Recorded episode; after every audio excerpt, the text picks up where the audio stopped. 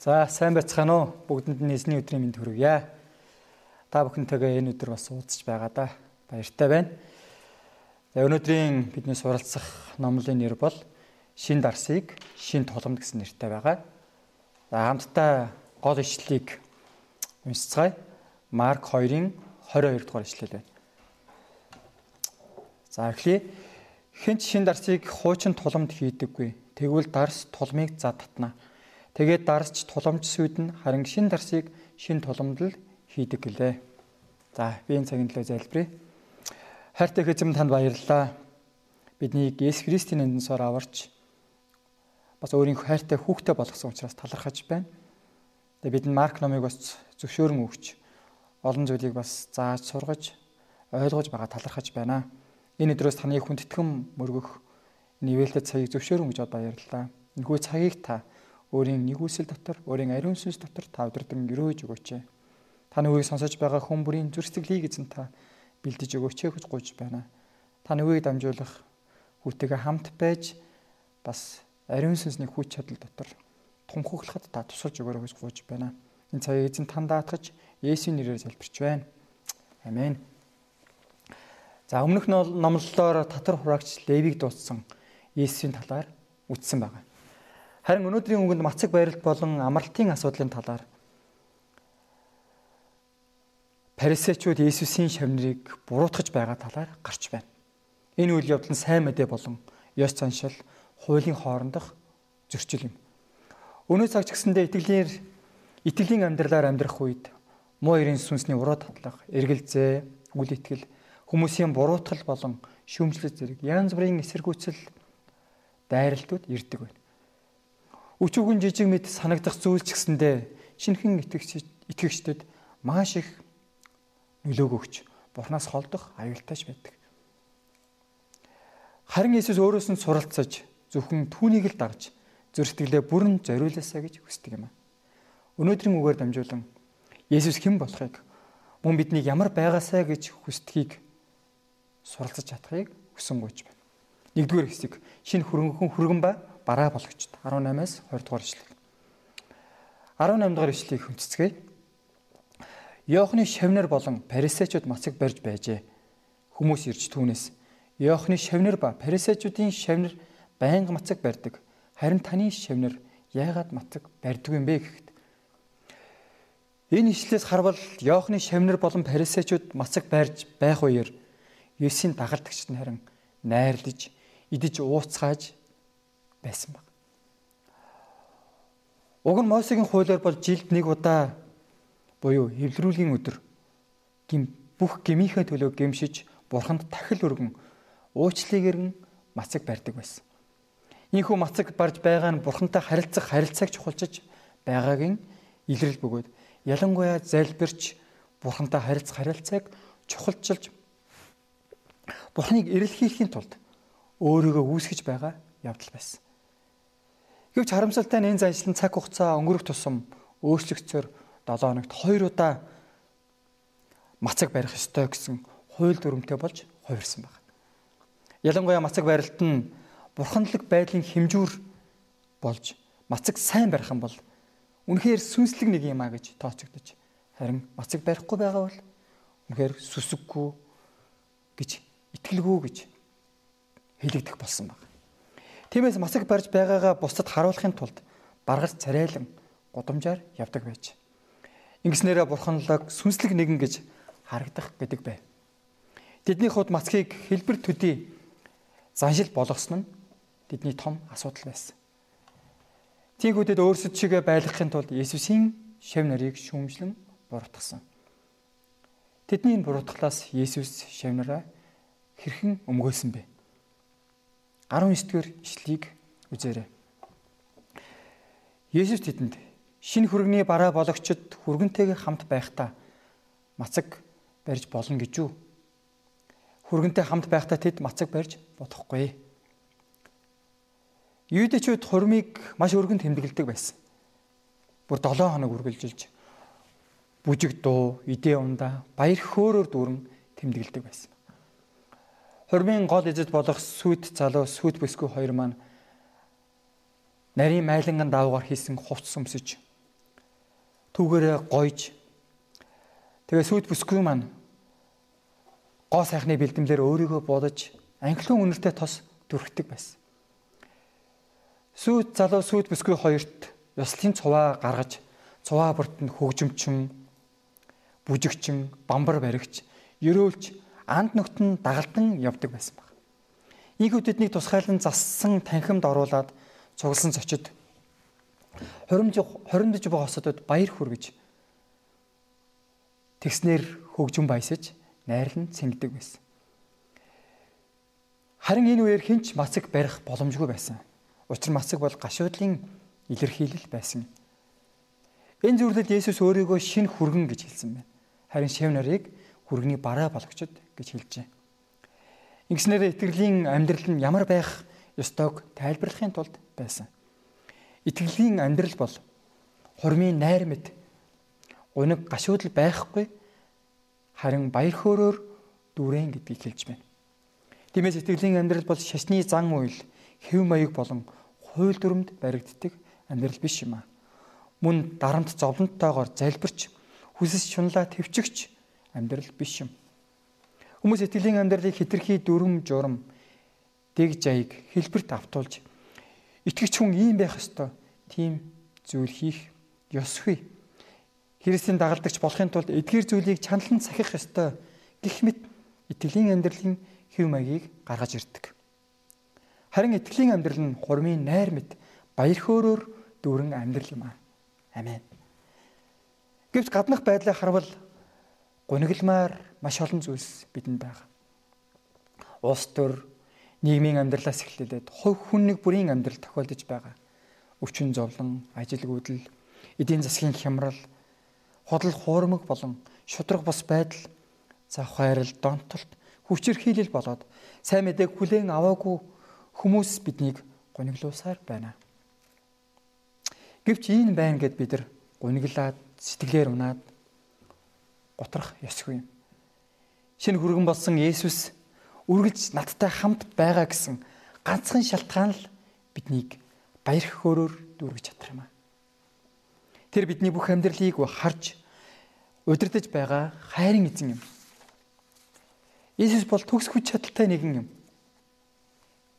Түүнд хийж чадахгүй боломжгүй зүйл гэж нэгэхэн ч үгүй юм аа. Харин бид цэвэр сэтгэлээр Иесусыг хайрлаж Иесустэй нөхөрлөх үед энэ дэлхийн хаанаас ч хинээс ч юунаас ч хизээч олж чадахгүй жинхэнэ баяр хөөргийг амсах болно. Амен. Тийм ээ Иесус л бидний баяр хөөрийн үнэс юм аа. Үүний шалтгаан бол Иесус бидний гим нүглийг аль хэдийн уучлаад гмийн ачаа, гуниг зовлон, муу хувь тавилан, сэтгэлийн зовлонг аль хэдийн загламай дээр шийдэж өгсөн учраас юм. Мөн бидэнд мөнхийн амийг өгч Бурхны хүүхэд болгосон учраас юм аа. Амен. 20 дугаар ишлэлд хөргөн тэднээс аваачихдах өдөр бацаг барьна гэсэн. Тэднээс аваачихдах өдөр гэдэг нь Есүсийн загалмайд цовлогдох өдөр бөгөөд энэ өдөр шавнар мацаг барин гашуудж Бурхныг эрэлхийлэх болно гэдгийг мэдэж байсан. Итгэгчдийн хувьд Есүстэй ойр дотн хайрын харилцаатай байж нөхөрлөх нь хамгаас чухал юм. Харин энэхүү нөхөрлөл харилцаа байхгүй. Хүндий байгаа бол масаг барих хэрэгтэй. Заримдаа бид энэ дэлхийн санаа зовлт, уруу татлах, санаатай болон санамсаргүй үйлдсэн гэмээсээ болоод Иесийн доторх амар амгалан, баяр баясгалан алддаг. Ялангуяа Библи уншиж залбирсан ч, Библийн хичээл хийсэн ч, хайр ивэлтэй номлол сонсож, сэтгэлд сэтгэгдэл сонссон ч сэтгэл дондор байх үе байдаг. Энэ мэтэр Бурханаас хөндөрсөн бол мацаг барьж сүнслэг харилцаагаа сэргээх хэрэгтэй. Мэдээж мацаг бол Бурханаас хүссэн зүйлээ авах итгэлтэй харагдах гэсэн арга биш ээ. Харин мацаг бол төлөв даруй сэтгэлээр баяр хөөртэйгээр нууцаар оршигч эзний өмнө хийгддэг зүйл юм аа. Мацгаар дамжуулан гим нүглээ гимшиж Есүсийг сэтгэлдээ шинээр хүлээн зөвшөөрч өршөөлийн хайр эвэлийг шинээр амсах хэрэгтэй. Ингүүл итгэлийн амьдрал маань хурмын найр мэт баяр баясгалантай талархал болон хүсэл найдвар дүүрэн амьдрал болно.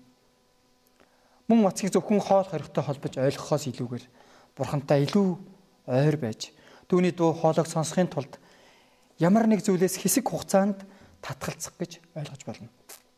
Тухайлбал шинэ алсын хараа хүсэл мөрөөдлийг олж авахын тулд онцгой шийдвэр гаргах үед шинэ ажил үйлсийг эхлүүлэх гэх мэт онцгой үедэд зөвхөн хоол бас татгалзахад хамгийн хэцүү зүйлсүүд болох смарт гар утас интернет, ТV, кофе, кола зэргийг ч гэсэндээ хорж болно.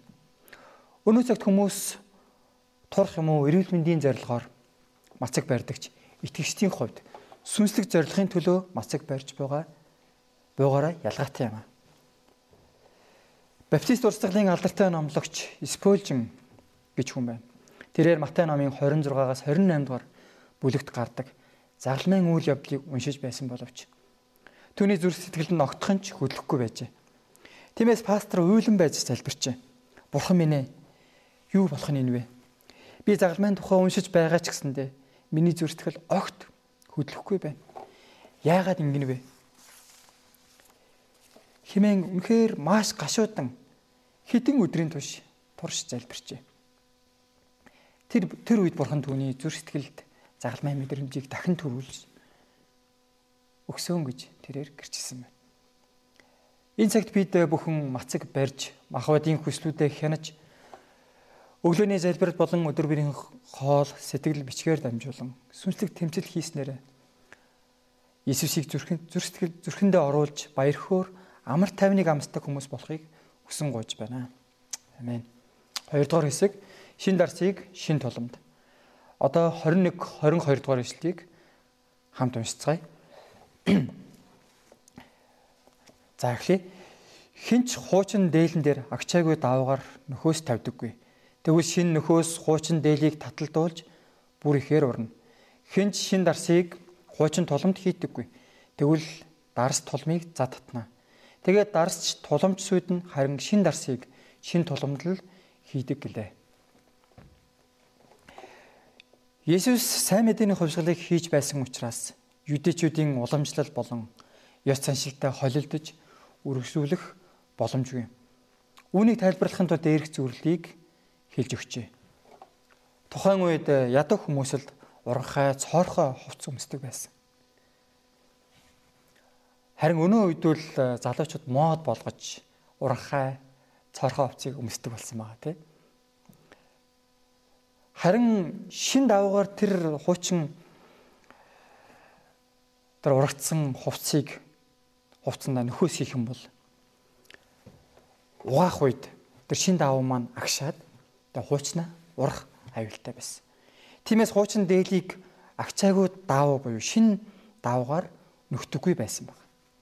Харин шин дарсыг хуучин туламд бас хадгалдаггүй байжээ. Учир нь шин дарсны хувьд эсэх чанар чанар нь маш хүчтэй байдаг учраас хатаж муудсан, нэмгэрсэн тэр тулам түүний тэр эсэх хүчтэй эсэх үед төсвөрлөж чадахгүйгээр задрах аюултай байдаг гэсэн. Тиймээс шин дарсыг заавал шин тулмандал хийж хадгалдаг байв. Дээрх хэслэл хэлж байгаа хуучин дэвэл, хуучин тулам бол юдэжүүдийн уламжлал, ёс заншлыг хэлж байгаа бол агчаагүй давуу шин дарс гэж Иесусийн сайн мэдээг хэлж байна. Есүсийн сайн мэдээ нь маш хүчтэй бөгөөд үүнийг багтааж чадах шин тулмыг л шаарддаг баг. Шин тулмын сайн мэдээг хүлээн авах хүмүүсийн зүрсгэлийг хэлж байна. Тиймээс сайн мэдээ нь юудэчүүдийн үжил бодол ёс саншилтай нэг болж чадахгүй гэдгийг заан өгчээ. Учир нь сайн мэдээ нь шин цэвэр бөгөөд амийн хүчтэй учраас юм а. Тэгвэл сайн мэдээ нь ямар талаараа ийм их хүчтэй байдаг юм бэ? Нэгдүгürt сайн мэдээ нь гимтнийг өөрчилж шинэ хүн болгох хүч чадалтай юм аа. Хүний бий болгосон гүн ухаан, үжил бодол нь хүмүүсийн сэтгхүйдэл нөлөөлдөг. Хэсэгхэн хугацаанд л сайн хүн болгож харагдуулдаг.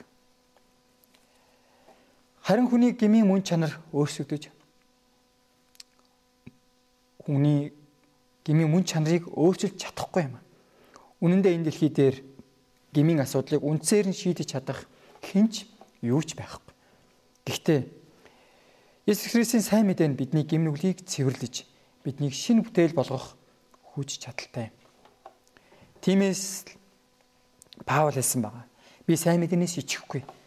Энэ бол итгэгч болгоныг юуны төрөнд юудэ түншлэн гэрээг хүнийгч аврах бурхны хүч мөн гэж хэлсэн. Сайн мэдэн жирийн нэгэн загсчны амьдралыг өөрчилж хүмүүсийн загсчин буюу бурхны ажилчин болгох хүч чадалтай юм. Сайн мэдэн бозар сүнсэнд эзэмдүүлсэн нэгнийг ч өөрчилж уйман өвчтөе хүнийг ч эмчлэн цоо эрүүл болгож Есүсийн дагалдагч улаан пенүүд болгох хүч чадалтай юм. Адгийн гемтэн гэж тоосогдож амин хуваа хичээсэн татар хураагчийг ч өөрчилж бүхний золиослон орхиж чадах итгэлтэй ариуматай болгон өөрчилсөн. Намаагч гисэн хиндэж тоогдохгүй жирийн нэгэн оюутан гимтэн байхтал дуудан өөрийн дагалдагч оюутны хончин болгож удирцаар байгаа нь сайн мэдээний хүч чадал юм аа. Амен. Хоёрдугаарт сайн мэдээ нь хуучин системд орж шин түүхийг бий болгох хүч чадалтай юм аа. Сайн мэдээ дэлгэрсэн газар нь муу мухай ялзарсан нийгмийн тогтолцоог эвдэж хүмүүсийг чөлөөлдөг. Хуучин уламжлалыг үгүй хийх хүч сайн мэдээнд л байдаг юм. Сайн мэдээ тунхаглагдаж буй газар бүрт сүнсний хувьсгал явагдаж байдаг. Ийм сүнсний хувьслаар дамжуулан нэг хүн, нэг гэр бүл нийгэм өөрчлөгдөж цаашлаад их сургууль ус үндэстэн хүртэл өөрчлөгддөг. Жишээлх юм бол боочлын систем нь Англи, Америкт маш олон хүмүүсийг дарангуйлж байсан. Үүнийг өөрчлөх боломжгүй шиг тухайн үедээ харагдаж байсан. Гэхдээ Уильям Вилбер Порст, Абрахам Линкольн зэрэг сайн мэдээгээр өөрчлөгдсөн хүмүүсийн тууштай тэмцэл эдгээр бузар мууг илчилж түүнийг үгүй болтол тэмцэний үр дүнд эдгээр бузар муу зүсүүд алга болсон юм. Энд тийм Барахмин гэд сүмийн доторх залуу охтыг алавдан бие үнэлүүлэхийг олон илгээлтийн эзэд болон тэр дундаа Эми Кармайклин гэж эмэгтэй хүчин чармаалтайр үнийг зогсоосон байна. Индонезийн зэрлэг омгийн хүмүүс өөртөөс нь урвсан урагшдыг бусад омгийнхоо хүмүүсийг иддэг байсан байна. Тийм уламжлалтай байсан байна.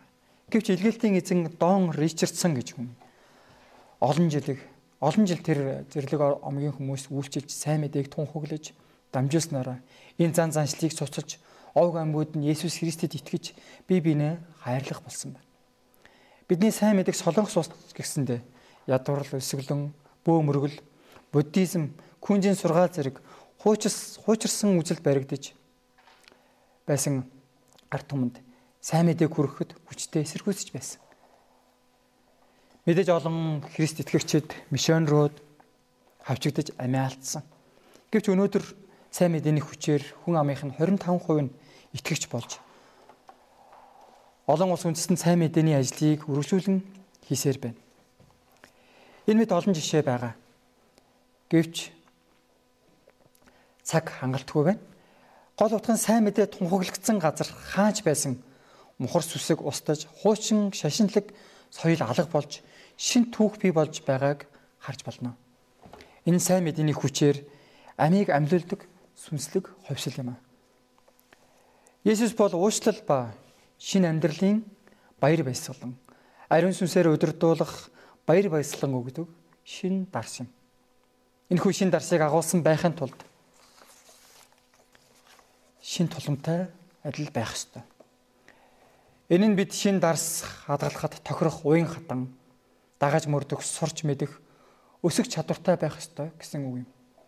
Бардамнал, залхуурал, зөрүүд байдал нь хуучин дарс уух шинж чанар бөгөөд. Энэ нь шин дарс авахд тохиромжгүй болдог. Бид шин тулан болохын тулд хуучин дээлээ хүнээ тайлан хайж шин хүнийг өмсөх ёстой. Бид өдөр бүр Есүсийг дагаж Түүнээс түүнээс даруй сэтгэлээр суралцаж байвал бид үргэлж шин тулам байж чаднаа. ялангуяа өөрсдийн зүр сэтгэлийг хөнгийн харж чин сэтгэлээсээ гимшиж Иесусыг шин сэтгэлээр аврагч эзэн хэмээн хүлээн зөвшөөрөх хэрэгтэй. Хэрэг бид гимшиж эргэх аваас Бурхан бидний нүглийг уучилж сэтгэл сүнсийг минь сэргийн өгөх болно. Дараа нь шүүлт шүүмжлэл болон гомдлох сэтгэл алга болж төлөв даруй уян хатан нэгүүлсэн бий болох болно. Бид ямар ч төрлийн гэмтнүүдийг тэрч уучлан тэдэнд амттай хоолоор үйлчилж Бурхны амьд үгийг тэдэнтэй хуваалцсан хамтдаа залбирах болно. Дараа нь бидний амьдрал эрч хүчтэй, үр бүтээлтэй, баяр хөөрөөр дүүрэн байх болно. Манай цуглаанд төлөв дороо Бурхны үгийг хайрладаг хончдыг олноор зөвшөөрөн өгсөнд талархаж байна. Зарим хончид маань Библийн Библи судлалын аудио хичээлийг сонсож, зарим нь Библийг өдөр шөнөгүй уншсаар дуусгах гэж байна. Зарим нь хөдөөч гадааддч байсан орчин нөхцөл хамаарахгүйгээр, орон зай хамаарлахгүйгээр онлайнаар Библийн хичээлийг тасралтгүй хийж, өглөөний гуйлтанд оролцож, сэтгэлд бичиж хуваалцсан гэр бүлүүд маань сүнслэг цагийг авах зэргээр Бурхныг сурах гэсэн даруй сэтгэлтэй байгаагийн төлөө Бурханд талархаж байна. Гэхдээ бид хуучин тулам, хуучин даав мэд болохоос үргэлж сэргэмжлэх хэрэгтэй. Ялангуяа өнөөгийн цуглаануудад түгээмэл байдаг. Хуулийг дагах үзэл нь хуучин толом болгодог. Энэ нь өөрийн хичээл зүтгэлээр бурханд таалагдах гэсэн үжил бодол юм. Ийм бодлоор өргөл өргөж, хүндэтгэл мөргөл өргөж, бурхны үгийг уншиж байвал эдгээр хийж буй шалтгаан нь хууль болж байна гэсэн. Инхүү хуулийн үзлийг дагаж буй хүн нь өглөөний залбирал 11-өө өргөх чуулганы үйлчлэл зэрэгт маш хичээнгүй байдаг. Бүх зүйлээ төгс төгөлдөр бүх зүйлээрээ төгс төгөлдөр байх гэдэг. Гэвч сэтгэлийн үнд нь баяр хөөр байдаггүй. Үргэлж сэтгэл ханамжгүй байдаг. Яавал бурхны хайрыг илүү авах бол яавал бурхныг баярлуулах бол үүнийг хийвэл бурхан баярлах болов уу? Намайг ивээх болов уу? Хүн тэтгэлийн зуглаан суухгүй бол өрөглөө өрөхгүй бол надад муу юм тохиолдчих үедээ. Бурхныг гомдооцох бол яана гэх зэрэг өөрийн эрх чөлөөг бүрэн сүйтгэдэг. Үүгээр зогсохгүй бусдаас энэ байдлаа шаарддаг учраас бусдад дарамт болж хуулийн үзлэр тэднийг ч гэсэнтэй адилхан хүлж өргөдөг.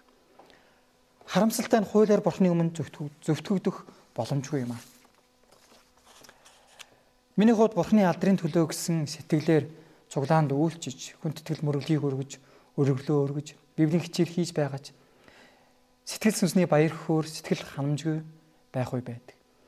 Байнга хийдэг зүйлээ алдаа дутагдалгүй хамгийн сайнаар хийж байвал болно гэж бодож явсан нь бурхан бурхантай хувьчлан уулзах бурхны ивэлийг амьдралдаа амсаж мэдрэх үүд